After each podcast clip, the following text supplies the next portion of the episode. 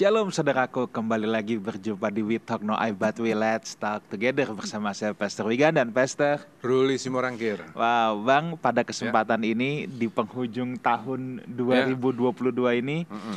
ini adalah serial ngobras kita yang terakhir untuk Ya. tahun 2022 ngobrol santai Alkitab dan pada kesempatan ini kita masih meneruskan ngobras kita Bang dan Sama sekarang dua Samuel bersama siapa lagi kalau bukan Ibu Rita Wahyu.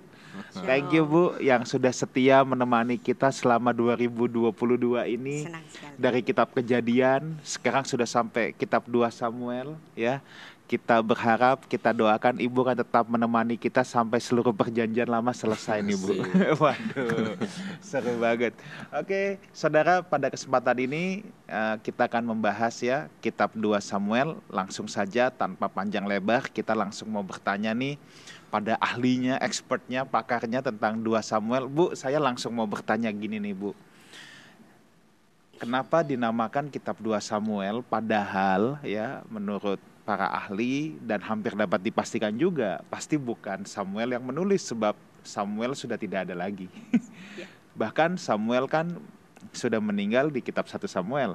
Nah, berarti di kitab 2 Samuel ini sebenarnya tidak mungkin Samuel yang nulis, tetapi kenapa namanya masih 2 Samuel dan sebenarnya siapa sih yang menulis kitab 2 Samuel ini? Mungkin Ibu Rita bisa memberikan eh, overview-nya dulu dan latar belakangnya ten- eh, tentang kitab ini. Terima kasih, Bu. Baik. Kitab 1 Samuel dan 2 Samuel sebenarnya dahulunya itu satu kitab yang memang penulisnya adalah kompilasi. Hmm. Tetapi yang pertama yang menulis tentang kitab Samuel ini tentu Samuel sendiri yang kemudian diteruskan oleh penerusnya mungkin golongan imam yang ada di kerajaan Israel. Satu Samuel itu mencatat sejarah Israel kira-kira dalam kurun waktu satu abad. Lalu kemudian dipecah menjadi dua Samuel. Samuel yang kedua ini bicara mengenai 40 tahun dinasti Daud. Hmm. Nah dari situ ada apa saja yang ada di kisahkan dicatat di dalam kitab 1 Samuel dan 2 Samuel yang sebenarnya dahulunya satu kitab saja. Hmm. Oke, jadi penulisnya kemungkinan memang kompilasi ya, Bu Iya, ya. kompilasi eh, para penerus dari Samuel ini. Oke. Hmm. Kira-kira apa yang kalau Ibu lihat apa yang menjadi center fokus eh, dari kitab 2 Samuel ini? Center fokus dari kitab 2 Samuel ini adalah dinasti Daud yang yang mana dinasti Daud ini itu dipilih oleh Tuhan untuk melahirkan Mesias yang dijanjikan. Maka penting sekali ditulis dalam suatu kitab yang tertentu dan ini menjadi catatan bagi seluruh bangsa Israel se- secara turun temurun dan hebatnya Alkitab ini selalu memiliki satu ciri khas. Hmm. Walaupun dia menulis tentang raja, tetapi penulis ini tampaknya diberi kebebasan untuk menulis apa saja secara jujur tentang apa yang terjadi. Aib juga ditulis, tidak di tidak ada yang diedit, tidak ada yang disembunyikan, semuanya ditulis. Itulah yang saya sebut sering kali sebagai the brutally honest book bahwa the Bible itu adalah Ya. brutally honest book Ya.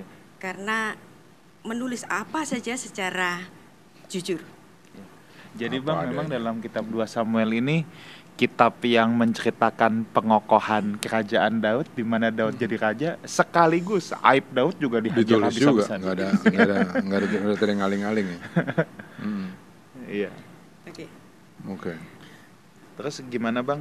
Mungkin kalau dari Abang ada yang mau ditanyakan dulu Belum sebelum mau saya lanjutkan. Bu Rita ngungkapin dulu latar belakang cerita ini dua Nah. Samuel ini. Oke. Tentang 2 Samuel ini ada yang menarik dan Ya. ini harus dicatat di dalam suatu kitab yang suatu kitab sejarahnya orang Israel yaitu berdirinya negara Israel yang dengan raja legitimate. Kenapa hanya Daud yang disebut raja legitimate padahal raja Israel sebelumnya raja Israel yang pertama adalah Saul. Saul kan? Iya.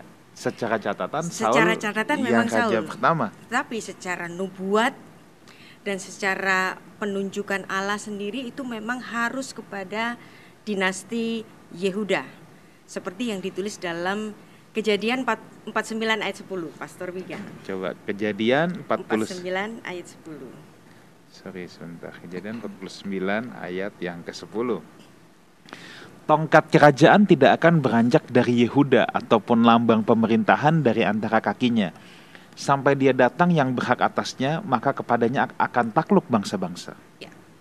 Satu lagi yang perlu diingat oleh orang Israel bahwa sebelum Musa itu mengakhiri kitab Ulangan, Musa sudah menuliskan bagaimana nanti kalau Israel itu masuk ke negeri perjanjian dan mereka memiliki raja dan ternyata ketika masuk pada negeri perjanjian mereka tidak kunjung menunjuk raja.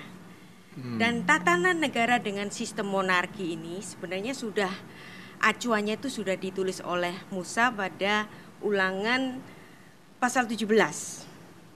nah, kalau kita 17. membaca ulangan pasal 17 ini menarik sekali bagaimana seorang raja itu ada kriteria-kriterianya. Itu bisa dibaca agak panjang ini Pastor Wigan, nggak apa-apa Iya, kali iya. ya. Ulangan 17 ayat 14 sampai 20. Oke, apabila engkau telah masuk ke negeri yang diberikan kepadamu oleh Tuhan Allahmu dan telah mendudukinya dan diam di sana, kemudian engkau berkata, Aku mau mengangkat raja atasku, seperti segala bangsa yang di sekelilingku. Maka hanyalah raja yang dipilih Tuhan Allahmu yang harus kau angkat atasmu. Dari tengah-tengah saudara-saudaramu, haruslah engkau mengangkat seorang raja atasmu Ya, Se- seorang asing yang bukan saudaramu tidak boleh kau angkat atasmu. eh, Pastor Wigan langsung ke ayat 18. Apabila ia duduk di atas tahta kerajaan, maka haruslah ia menyuruh menulis baginya salinan hukum ini menurut kitab yang ada pada imam-imam orang Lewi. Nah, stop. Ya, Ini menarik.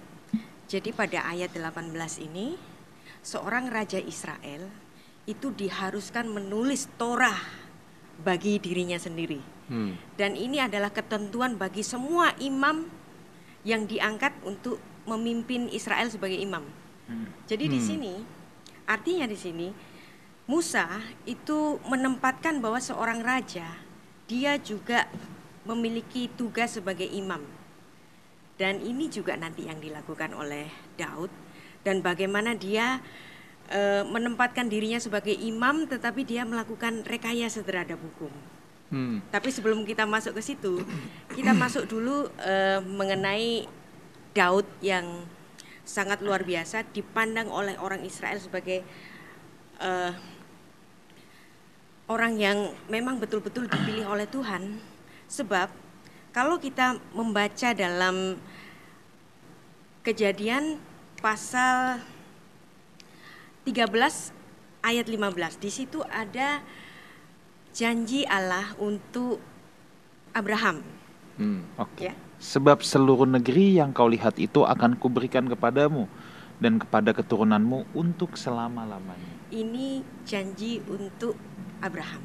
Dan janji ini kemudian juga di diulangi lagi kepada kepada Yakub, kepada Ishak, kemudian kepada Yakub.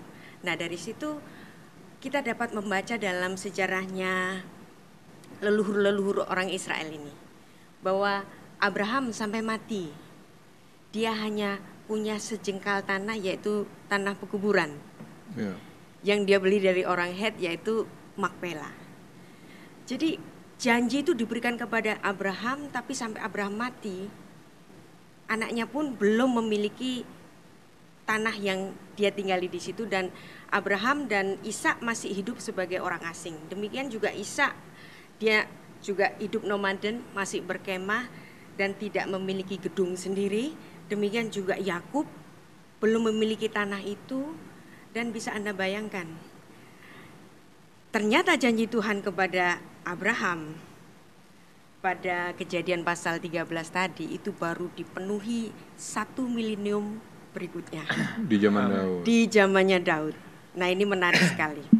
Ketika di situ Daud merebut kota Yebus, yang yang mana kota Yebus itu ada di atas Gunung Sion atau di Gunung Moria, itu yang akan menjadi Yerusalem.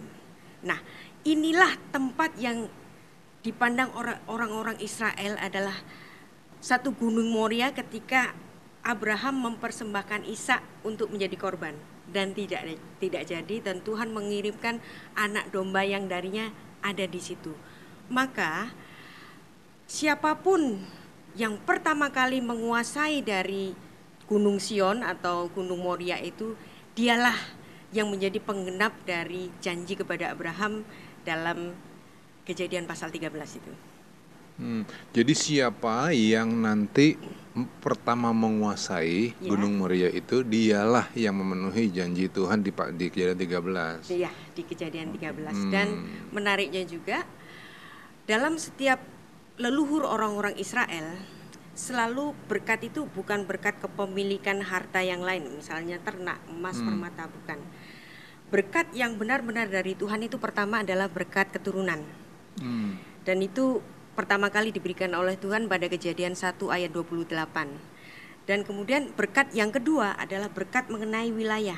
Seperti yang ditulis dalam kejadian pasal 13 tadi bahwa apa yang kau lihat tanah ini nanti aku memberikannya kepada eh, Keturunan. keturunanmu. Dan janji ini diulang kepada Isa dalam kejadian 26 ayat 3 sampai ayat 3 dulu deh. Ya. Tinggallah di negeri ini sebagai orang asing, maka aku akan menyertai engkau dan dan memberkati engkau. Sebab kepadamulah dan kepada keturunanmu akan kuberikan seluruh negeri ini. Dan aku akan menepati sumpah yang telah kuikrarkan kepada Abraham ayahmu. Tuhan mengatakan aku akan menepati sumpah, tapi sumpahnya apakah di direalisasikan pada zaman Isa ini? Ternyata enggak. Dan janji ini diulangi lagi kepada Yakub pada kejadian 28 ayat 14. Jadi tadi udah janji kepada Abraham, tapi Terus belum dipenuhi. Belum dipenuhi. Di- dijanjikan lagi, diulang kepada Ishak, belum juga dipenuhi. Nah, Kepada sekarang, Yakub, sekarang kepada. Yakub. Ya. Keturunanmu, eh, sorry, ayat yang ke-14 ya Bu ya. Ya, Keturunanmu akan menjadi debu tanah banyaknya dan engkau akan mengembang ke sebelah timur, barat, utara, selatan dan olehmu serta keturunanmu semua kaum di muka bumi akan mendapat berkat. Hmm. jadi tetap diulang kepada Yakub masih juga belum dipenuhi. Jadi terpenuhinya nanti ketika betul-betul orang Israel itu memilih raja sesuai nubuat Kejadian 49 ayat 10 yang dari keturunan Yehuda dan muncullah seorang yang bernama Daud dan di Alkitab hanya satu orang yang bernama Daud, cuman satu yaitu Hmm. raja Israel, raja legitimate yang dia merebut kota Yebus itu dari tangan orang Yebus dan kemudian nama tempat itu menjadi nama Yerusalem Yerusalem. di atas gunung Sion sehingga eh, kota Yerusalem itu disebut juga sebagai kota Daud. Hmm. Bethlehem juga disebut sebagai kota Daud karena itu menjadi kelahirannya Daud. Yerusalem juga disebut ko- kota Daud karena dialah yang merebut kota itu dari tangan orang Yebus dan menariknya nanti orang-orang Yebus itu nanti mereka yang menjadi pekerja bagi bait Allah yang dibangun oleh Salomo. Hmm. Ini ada yang menarik nih Gan. Iya, Kan gimana tadi Bang? Bu Rita mulai dengan penjabaran bahwa ketika Allah memberikan berkat, berkat yang paling hebat itu adalah pada keturunan, memberikan Keturunan keturunan, satu, kedua wilayah. Wilayah. Nah, Yes. tapi kemudian ternyata ketika bicara tentang wilayah, nggak serta merta juga janji Iya. itu langsung akan Yes. digenapi. Nah, Ya. kemudian saya lanjutin lagi nih. Ya. Ternyata digenapi sih, cuman di zaman Daud. Iya. Jadi wilayah itu udah dijanjikan kepada Abraham, Ishak, Yakub baru dipenuhi di zaman Daud. Cuman ya belakangan ini kan janji tentang wilayah ini kan ditarik untuk orang modern di zaman hari ini. Seolah-olah orang-orang modern ini akan dijanjikan mendapatkan wilayah-wilayah. Kira-kira itu tepat nggak sih penerapan seperti itu? Em, wilayah diberikan, Ya, tetapi untuk mendapatkannya harus dengan effort. oke, oke. Jadi Tap- nggak pernah diberikan Tapi kalau ayat-ayat ini yang dipakai untuk kontemporer, untuk zaman sekarang, apakah masih relevan ayat ini? relevan tapi bukan dengan cara instan.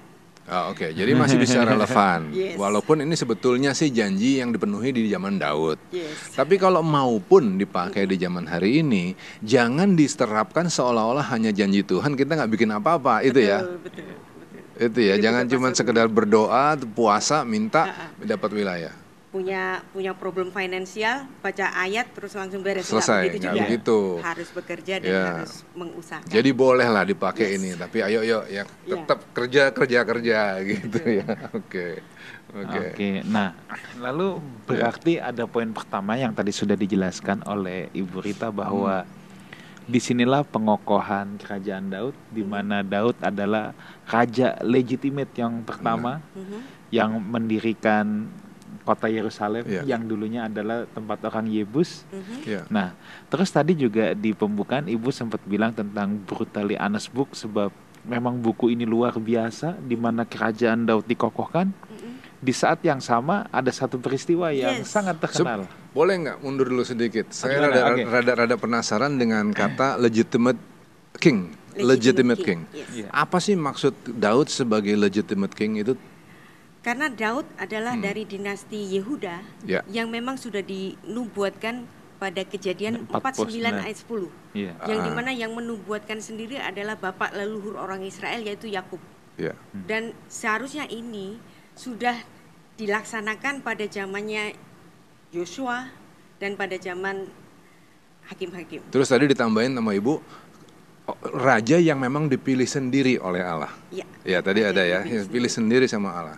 Kemudian ditambahin lagi, yaitu dia yang menguasai Bukit Moria, Yes. yang nantinya menjadi Yerusalem. Ya. Jadi dengan kombinasi beberapa hal itulah maka Daud kekuasaannya disebut sebagai the- kekuasaan dari seorang raja yang legitimate. Ya.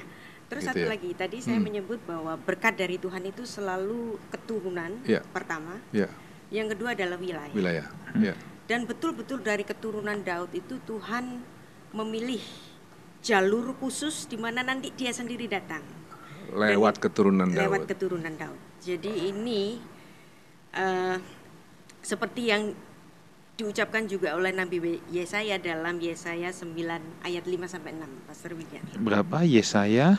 9. Ayat 5 sampai 6. Ini ayat favorit saya. Hmm. Sebab seorang anak telah lahir untuk kita, seorang putra telah diberikan untuk kita, lambang pemerintahan ada di atas bahunya dan namanya disebutkan orang penasehat ajaib Allah yang perkasa, Bapa yang kekal Raja damai. Ya. Ayat 6.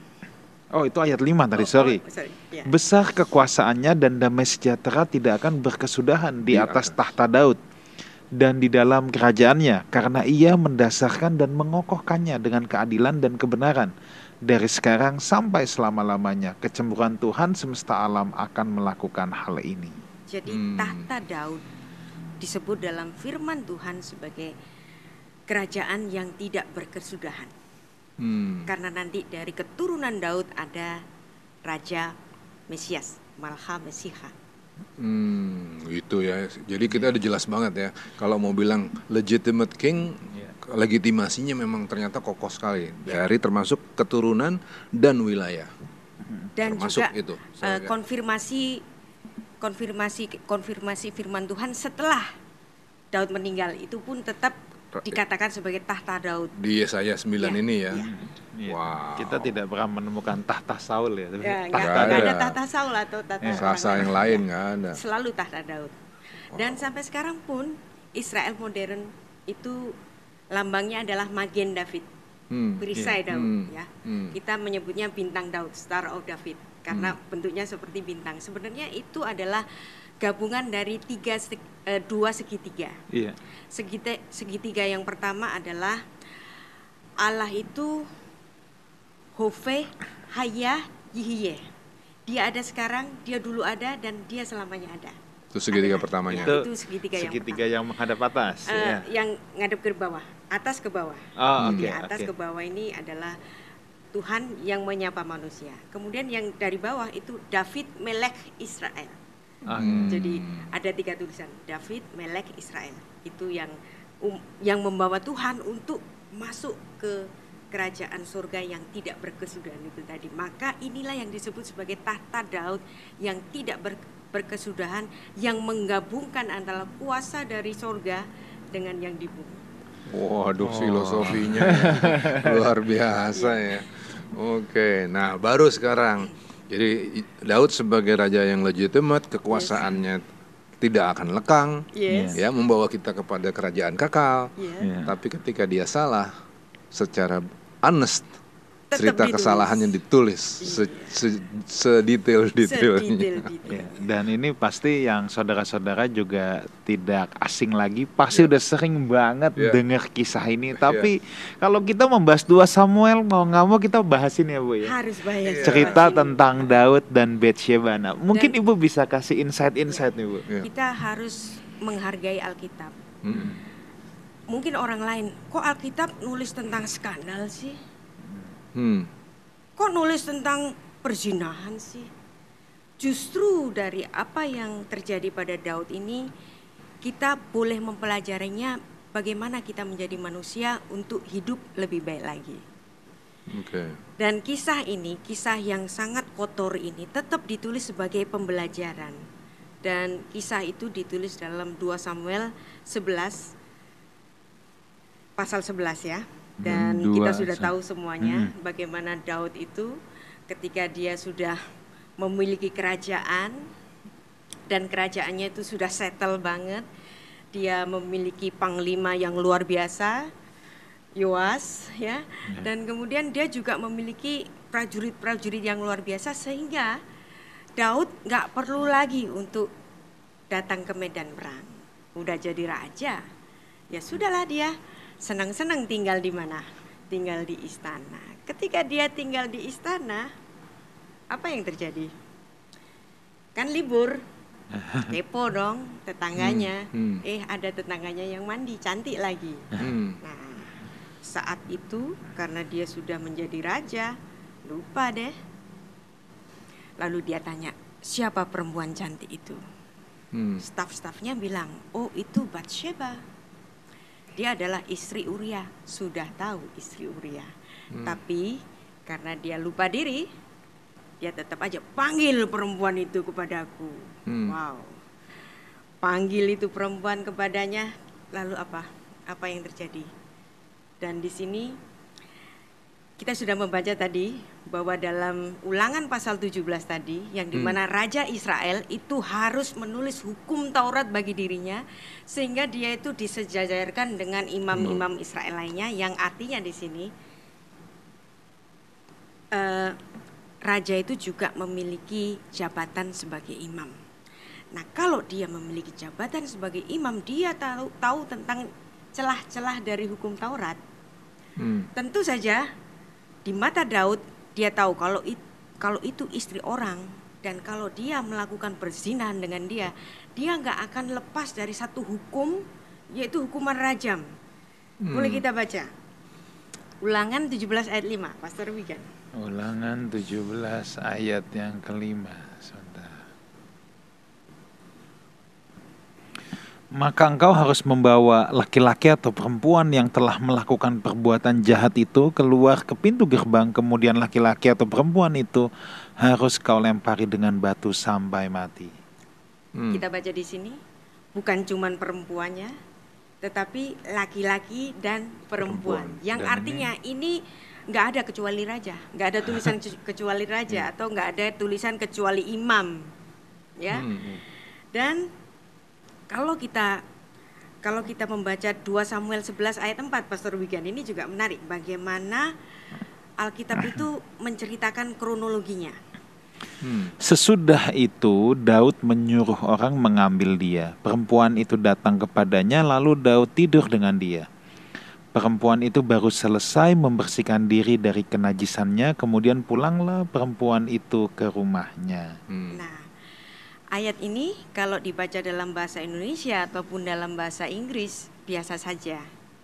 Sesudah itu Daud menyuruh orang mengambil dia. Hmm. Nah, kata mengambil itu laka. Laka itu apa sih?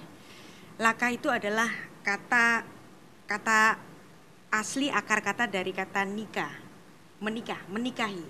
Hmm. Jadi di sini Yakub menikahi perempuan itu. Jadi seperti dia melakukan rekayasa. Aku tidur dengan perempuan itu boleh. Aku menikahi dia kok. Nah, ayat yang ditulis di sini dalam bahasa asli itu lakah, menikah. Menikah. Menikahi perempuan itu. Setelah ia mengambil perempuan itu, baru perempuan itu datang kepadanya. Setelah datang menghampirinya, lalu tidur dengan dia. Daud baru tidur dengan dia. Nah, ayat ini sepertinya biasa, tapi ini prosesnya panjang. Setelah mereka tidur, selesai ini. Kemudian dituliskan perempuan itu baru selesai membersihkan diri dari kenajisannya. Artinya Alkitab pun juga menulis bahwa itu adalah suatu suatu perbuatan najis. Iya. Tetapi di sini ditulis membersihkan diri. Dan kata membersihkan diri ini adalah suatu terjemahan yang lost in translation. Oke. Dan kalau kita membaca dalam King James, itu kata membersihkan diri itu ditulis dengan purified, Iya. Hmm. purified. Dan kalau kita membaca dalam bahasa asli Ibraninya ini menarik. Fayislah David Fayikakeha. Dan David menyuruh mengambil perempuan itu dan Daud menikahi perempuan itu. Kemudian ditulis eh, Fayiskaf Ima dan dia tidur dengannya, tidur dengannya. Setelah itu Fehi mitkadeshet mitum ata. Kata mitkadeshet itu akar katanya adalah kados, kadas. Artinya menguduskan dirinya. Tetapi di sini ditulis dalam satu bentuk kata resiprokal. Resiprokal itu apa? Saling bersaut-sautan. Jadi artinya di sini Batsyeba tidak melakukannya sendiri. Artinya dia dikuduskan oleh orang lain. Kenapa Batsyeba harus dikuduskan orang lain? Karena Batsyeba istri Uria yang sedang diambil oleh raja, kemudian dia dikuduskan. Dari ritual pengudusan ini, Daud melakukan satu rekayasa, rekayasa agamawi yang juga dilakukan oleh orang-orang hari ini. Nah, kita mendengar ya dari saudara kita orang-orang Muslim ada yang namanya eh, wisata nikah misyar, iya, iya. Iya. nikah mut'ah ya, ya, iya. nikah mut'ah ada banyak tuh di puncak. Mm, bahwa eh, mereka mereka nggak melakukan perzinahan tetapi mereka dinikahkan dulu kemudian pada subuh harinya mereka di, diceraikan Hmm. inilah yang terjadi Ah. sebelum orang-orang hari ini modern melakukannya Alkitab sudah menulis Mencatat tentang itu, itu, ya. nikah mut'ah itu sudah ada di dalam 2 Samuel 11 ayat 4 yang di mana dari sini Hmm. kenapa kita tahu mereka kedu mereka berdua kok nggak kena hukuman rajam tapi Tuhan tahu kamu Daud, kamu seorang imam. Kamu melakukan rekayasa hukum supaya kamu lepas dari hukuman rajam tadi yang ditulis dalam Ulangan 17 ayat 5.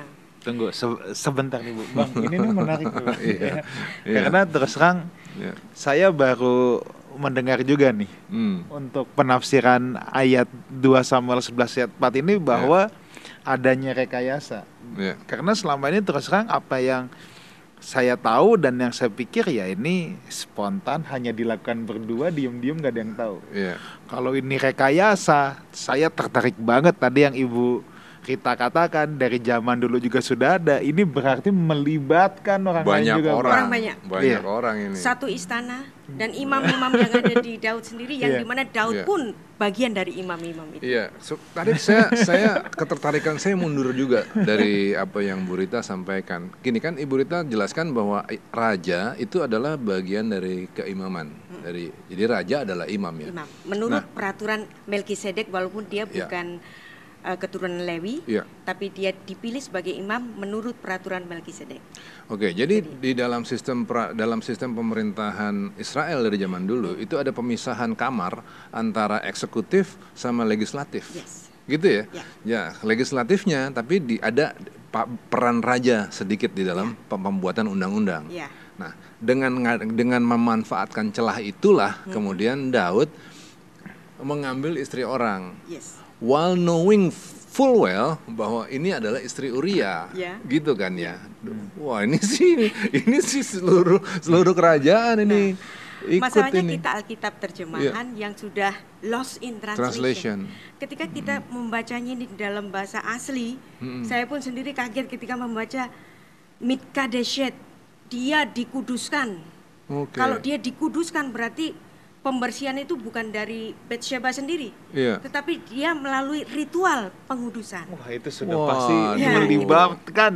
Ya. Iya. Jadi Banyak bentuk orang. katanya itu resiprokal. Nah, bentuk kata resiprokal ini nggak ada di dalam bahasa Indonesia, juga Ya. nggak ada di dalam bahasa Inggris, sehingga ini lepas dari pembacaan orang-orang Kristen, tetapi Ya. orang Yahudi tahu bahwa ini adalah rekayasa hukum Taurat. Wah, oke. Berarti bukan bukan zaman sekarang aja bang. Iya. Hari-hari ini oh banyak sekali yang Iya, namanya iya, iya. rekayasa agamawi, tapi Daud Iya. melakukan ini. Iya. Terus Bu, ini juga kejahatan Daud nih di selanjutnya juga ngeri sekali nih karena Iya. Uria dipanggil pulang karena istri kan udah tahu nih Ya, Daud udah tahu selesai. istrinya hamil, Uria hamil, eh, istrinya Uria nih hamil. Terus udah gitu diusahakan supaya mereka campur, kan Yes, gitu ya. ya. Dan ini Tuhan itu seperti mungkin di sorga itu sambil geleng-geleng kepala. Hmm. Oke, satu, kamu melakukan rekayasa hukum Satu, supaya ya. kamu nggak nggak melanggar hukum perzinahan Ya, kan? ya. Satu. Oke, kamu lepas dari sini. Yes. Ternyata perempuan itu hamil. Hamil. Sedangkan suaminya sendiri Lagi sedang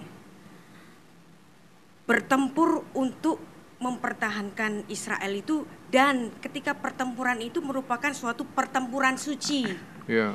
yang di mana pertempuran suci itu melibatkan tabut Tuhan. Dan ketika mereka itu berperang melibatkan tabut Tuhan apa yang menjadi kebiasaan orang Israel? Bahwa laki-laki yang ber- bertempur untuk perang suci itu mereka tidak boleh tidur dengan perempuan. Hmm. jadi kita bisa lihat di sini. Uria orang Het orang asing. Dia lebih taat hukum Taurat ketika dia dipanggil pulang oleh Daud oleh rajanya sendiri sini sini pulang kamu. Dipanggil ke istana di, dikasih jamu disuruh pulang. Loh nggak pulang. Dia ternyata tidur di perkemahan. Kenapa dia tidur di perkemahan? Karena pikirannya Uria aku sedang melakukan perang suci. Aku tidak boleh tidur dengan Orang head lo ini. orang head loh ini.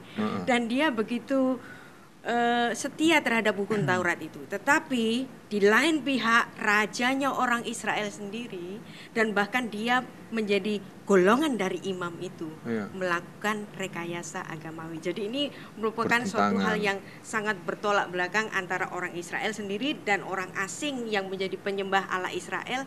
Tetapi dia lebih setia dia tetap dalam misinya untuk perang suci. Ketika di- dia dipanggil pulang untuk pulang ke rumahnya dia nggak mau pulang karena kalau pulang nanti dia akan Tidur. tergoda dengan istrinya tidur dengan istrinya dan itu akan merusak misi dia dalam perang suci itu Udah gitu Uria dibikin mabok. yes mabok. Tunggu, Dibikin mabuk. bang. Ini bang sebelum ke Uria bang ya. Ini kalau kita lihat di ayat yang ke-8 ya. Kemudian berkatalah Daud kepada Uria, pergilah ke rumahmu dan basuhlah kakimu. Bu, saya boleh nggak kalau apa saya bilang gini? Daud kan sudah tahu saat itu ini hamil nih. Iya. Iya. Jadi dia cepat-cepat panggil Uria pulang Iya. supaya suruh tidur supaya ntar kalau kalau hamil Hamil, lahir, Seolah-olah anakmu. anaknya Uria. Anakmu. Iya. iya. Wah, ini Iya. Tapi Uria nggak mau Iya. karena dia lagi perang suci. Itu kan Iya. hebatnya Iya. kan. Hebatnya di situ. Abis itu dibikin mabok Dibikin Urianya mabok pun nggak supaya pulang ya kan. Tetap nggak pulang. tetap nggak pulang, tetap setia terhadap perang suci itu yang di mana perang itu kalau melibatkan tabut Allah ya dia nggak akan tidur dengan perempuan. Mm-mm. Terus udah gitu paginya Daud menulis surat kepada Yoab. Mm-mm. Nah ini ini ini tragis sekali nih, Bu. tragis sekali. Gimana nih ceritanya bu? Tragis sekali. Hmm. Daud menulis surat untuk menempatkan Uria Ya, pada front depan ya. supaya lebih gampang cedera. Tempat ah, tempatkanlah Uria di barisan depan dalam pertempuran yang paling hebat. Kemudian kamu mengundurkan diri, kamu mengundurkan diri lagi Ya. daripadanya supaya ia terbunuh mati. Dan ini surat ini dititipin kepada Uria Betul. untuk dibawa kepada Yoab. Dan yang baca Yoab. Yoab. Jadi Uria lagi bawa surat matinya. Yes.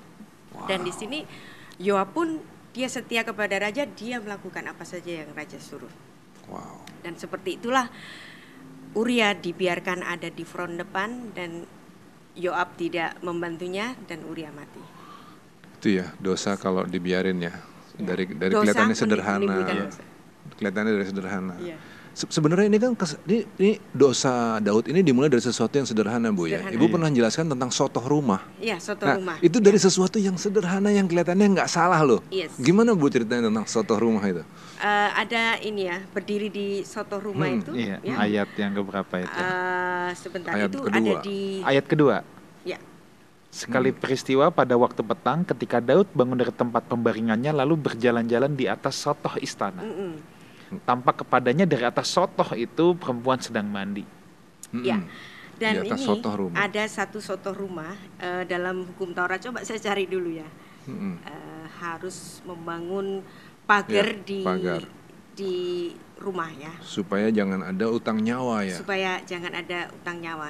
Cuman ini susah 22. karena ada 613 hukum Taurat ya. 22 ayat 8 ya bu. Eh, di Iya, mana? ulangan. Ulangan 22. 22 ayat 8 ya. Coba ya kita lihat dulu. 22 ayat 8. Apabila engkau mendirikan rumah baru, maka haruslah engkau memagari soto rumahmu, supaya jangan kau datangkan hutang darah kepada rumah Ya. itu. Apabila ada seorang jatuh dari atasnya. Yes. Jadi ulangan 22 ayat 8 ini adalah satu hukum Taurat yang bisa diartikan secara harfiah Mm-mm. maupun secara eh, alegorinya. Nah, secara harfiah kalau Anda punya loteng harus ada pagar Mm. supaya jangan nanti ada orang jatuh kepleset dan kemudian dia jatuh dan mati. Tetapi ini juga berbicara mengenai satu yang alegoris. Apabila engkau membangun rumah baru, apabila engkau membangun suatu kerajaan baru, Mm. apabila engkau memiliki suatu posisi baru, Mm. jangan lupa bikin soto rumah, jangan lupa bikin pagar. Ketika kamu nggak punya pagar, ketika kamu memandang sesuatu di luar rumahmu dan di situ nggak ada pagar, Mm-mm. engkau melihat ada perempuan cantik yang sedang mandi dan di situ Daud tidak memagari dirinya sendiri bahkan dia menerobos dan bahkan dia melakukan rekayasa agamawi.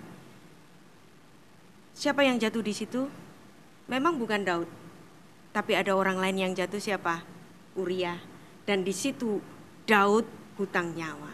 Hmm. Dan terhadap hutang nyawa ini Daud ini menarik sekali. Ketika Nabi Nathan itu me- menegur Daud ini dalam 2 Samuel 12 ayat 1 sampai 7. Tuhan mengutus Nathan kepada Daud, ia datang kepada Daud dan berkata kepadanya, ada dua orang dalam suatu kota, yang seorang kaya, yang lain miskin. Si kaya mempunyai sangat banyak kambing domba dan lembu sapi. Si miskin tidak mempunyai apa-apa, selain dari seekor anak domba betina yang kecil yang dibeli dan dipeliharanya. Anak domba itu menjadi besar padanya bersama-sama dengan anak-anaknya, makan dari suapnya dan minum dari pialanya dan tidur di pangkuannya, Yes. Seperti seorang anak perempuan baginya. Hmm. Pada suatu waktu orang kaya itu mendapat tamu dan ia merasa sayang mengambil seekor dari kambing dombanya atau lembunya untuk memasaknya bagi pengembara yang datang kepadanya itu. Jadi ia mengambil anak domba betina kepunyaan si miskin itu dan memasaknya bagi orang yang datang kepadanya itu.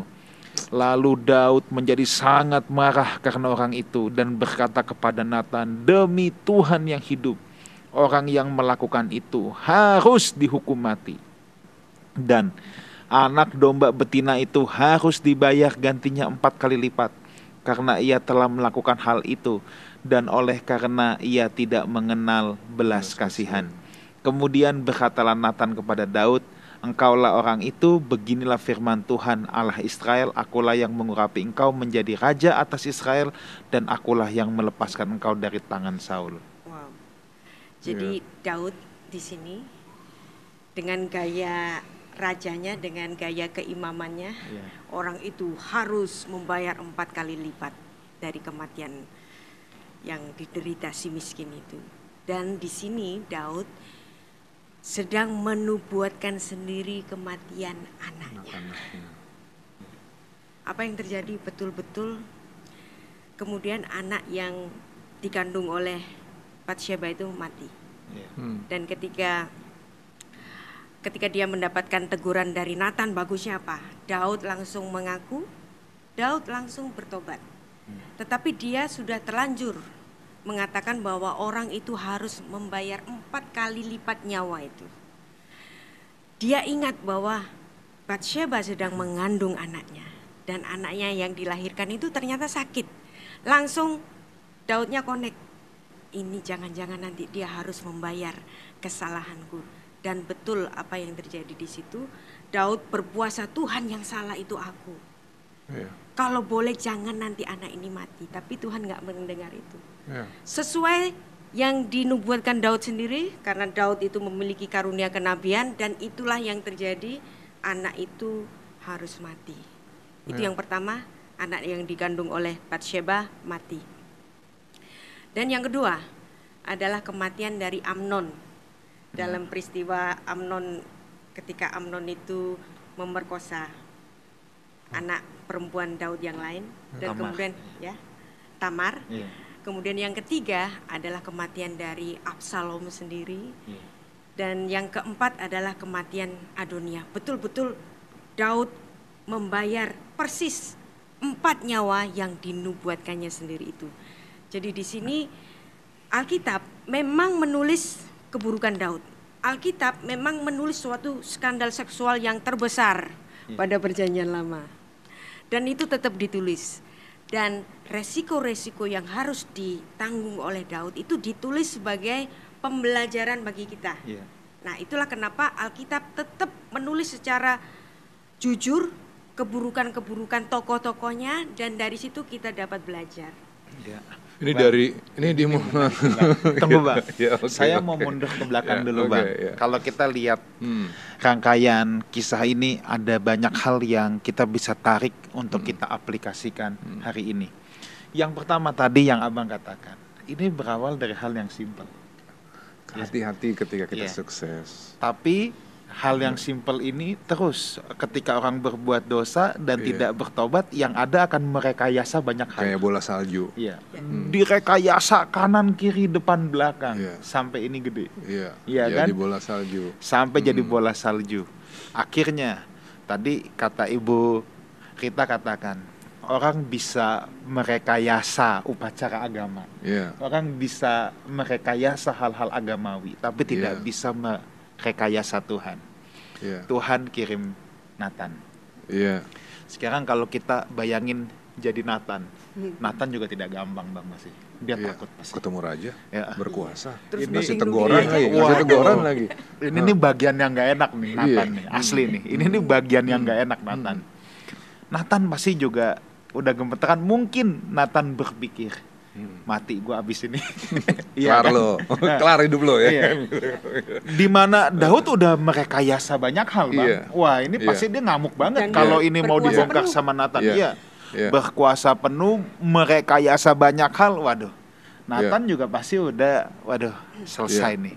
Tapi kita lihat Nathan taat. Iya. Nathan lebih takut sama Tuhan daripada sama Iya. Daud. Gak Sekalipun sungkan ya. iya, sekalipun Iya. dia tahu mungkin dia tidak ada. Iya. Tapi yang hebatnya juga Daud nih, nih Bang. Betul Iya. dia udah berdosa. Iya. Betul dia udah merekayasa banyak hal. Iya. Tapi ketika utusan Tuhan datang mengkonfront dan menegur dia, Iya. dia langsung mengakui. Iya. Ada orang yang tetap jadi ribet, Bang. Iya. Tetap makin melintir, merekayasanya lebih banyak lagi. Iya. Makin rusak itu. Iya. Di bagian Natannya itu perlu digaris bawah juga tuh Pastor Wigan. Karena banyak orang hari ini ketika di dalam suatu konflik atau ketika berhadapan dengan orang lain Mm-mm. di dalam dunia kekristenan Iya. sering banget nggak berani ngambil posisi untuk mengingatkan. Iya. Mereka akan bilang siapa kita? Kita kan juga masih punya salah, kekurangan dan lain-lain. Alasannya kan itu. Padahal ketika kita bicara tentang Yehezkiel misalnya disampaikan orang yang jahat akan mati karena kejahatannya. Tapi kemudian kepadamu akan dimintakan pertanggungjawaban karena kamu tidak menegur. Iya. Nah, ini juga harus kita tarik ke yang hari ini. Jangan kita ngomong begini loh, seolah-olah orang Kristen itu murni cuman boleh menjadi seperti burung merpati yang jinak-jinak lucu-lucu gitu. Enggak kali. Kita juga harus tetap sebagai burung merpati yang tulus mengingatkan orang yang dalam kondisi bersalah. Itulah yang dilakukan sama Nathan. Iya. Kalau dibilang loh, kita kan bukan Nabi Nathan. Iya, tapi kita adalah orang tebusan Kristus. Kita harus menjadi seperti Kristus yang pasti juga menegur. Iya. Iya kan? Itu kan? Ya kan? Jadi selain gunung gunung gunung salju, memang gunung salju. Jadi ketika kita sukses hati-hati. Iya.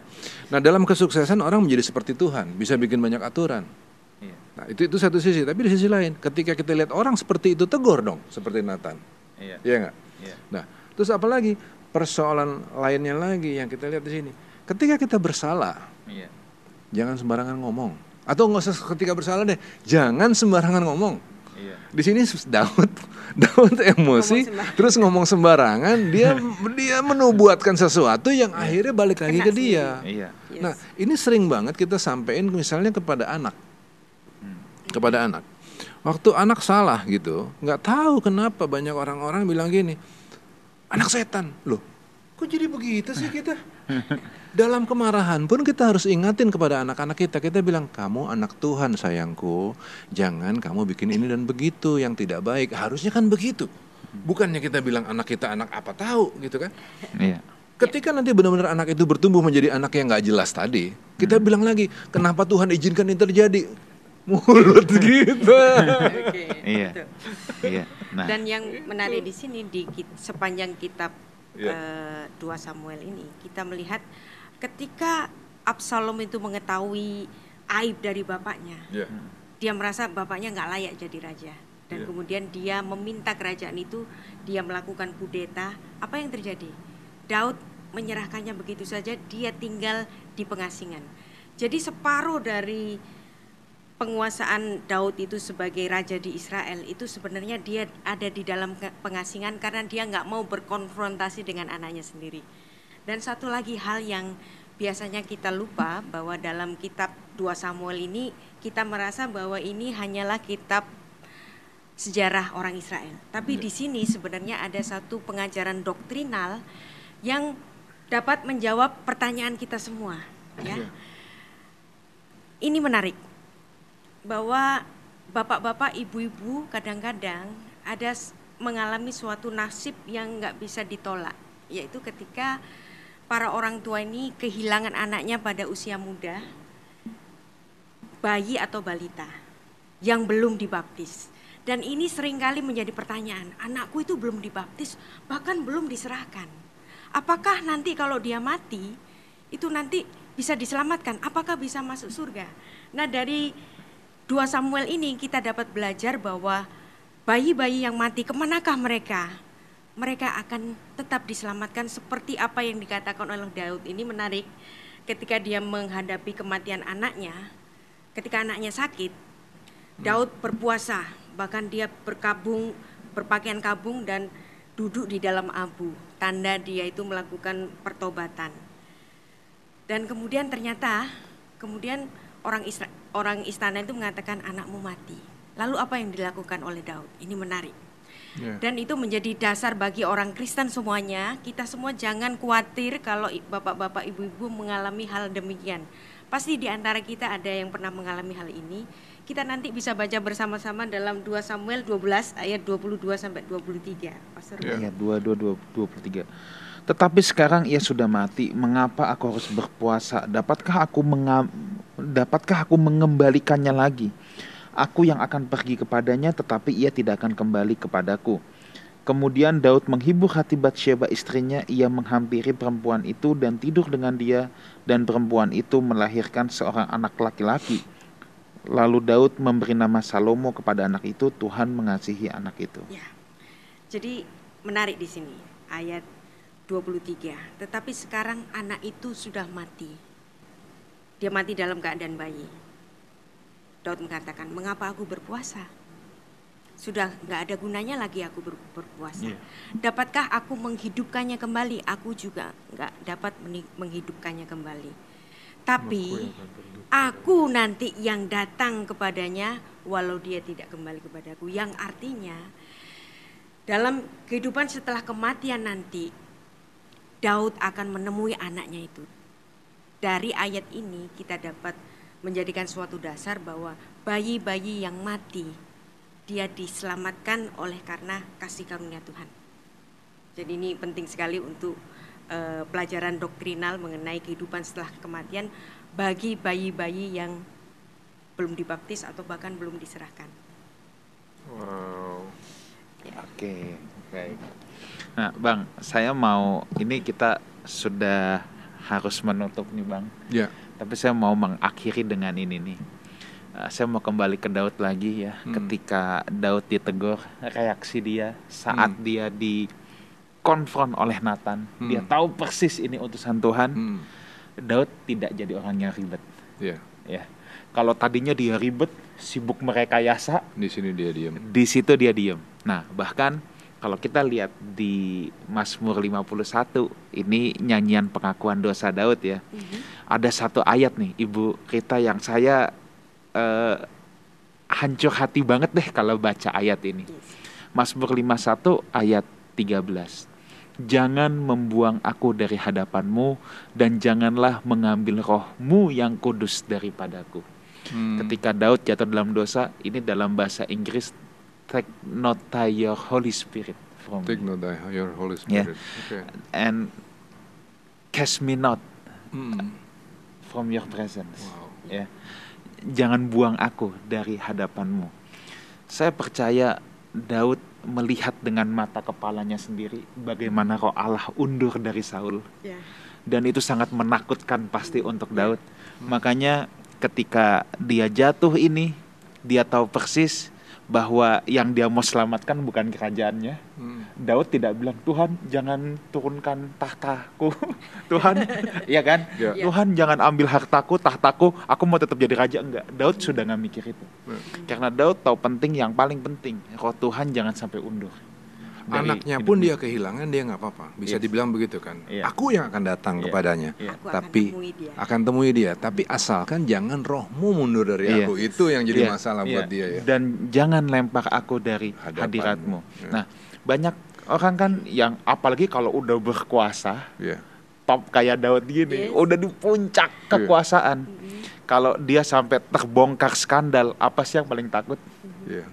orang paling takut kehilangan kekuasaannya Iya.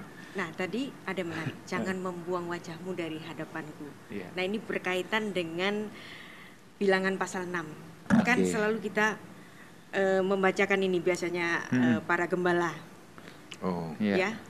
Bilangan 6 ayat 25. Hmm. Oke. Okay. Tuhan menyinari engkau dengan wajahnya dan memberi engkau kasih karunia. Jadi di hadapan wajah Tuhan itu ada kasih karunia.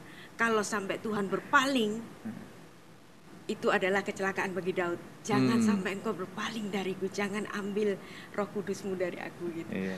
Jadi ini yang dia yeah. jadiin masalah ya, yeah. jangan sampai sampai Tuhan engkau berpaling. memalingkan wajahku, wajahmu. Hmm. Tapi hebat loh bang, dia tuh yeah, kagak mikirin kerajaannya, entah gua kagak jadi raja lagi gimana. Yeah. Dan makanya dia mengasingkan diri. Iya, maka yeah. memang Daud ini the man after God's heart, ya yes. ya kan? Iya, iya, iya, iya. Orang yang hatinya ada kekotoran, tapi dari situ kita dapat mempelajarinya. Iya, waduh, iya, iya, iya, waduh ini seru banget nih bang pembahasan kitab 2 Samuel ini. Saya rasa ini kita semua belajar banyak mendapatkan perenungan yang sangat luar hmm. biasa. Hmm. Bu Rita mungkin ada closing statement untuk 2 Samuel ini. Iya.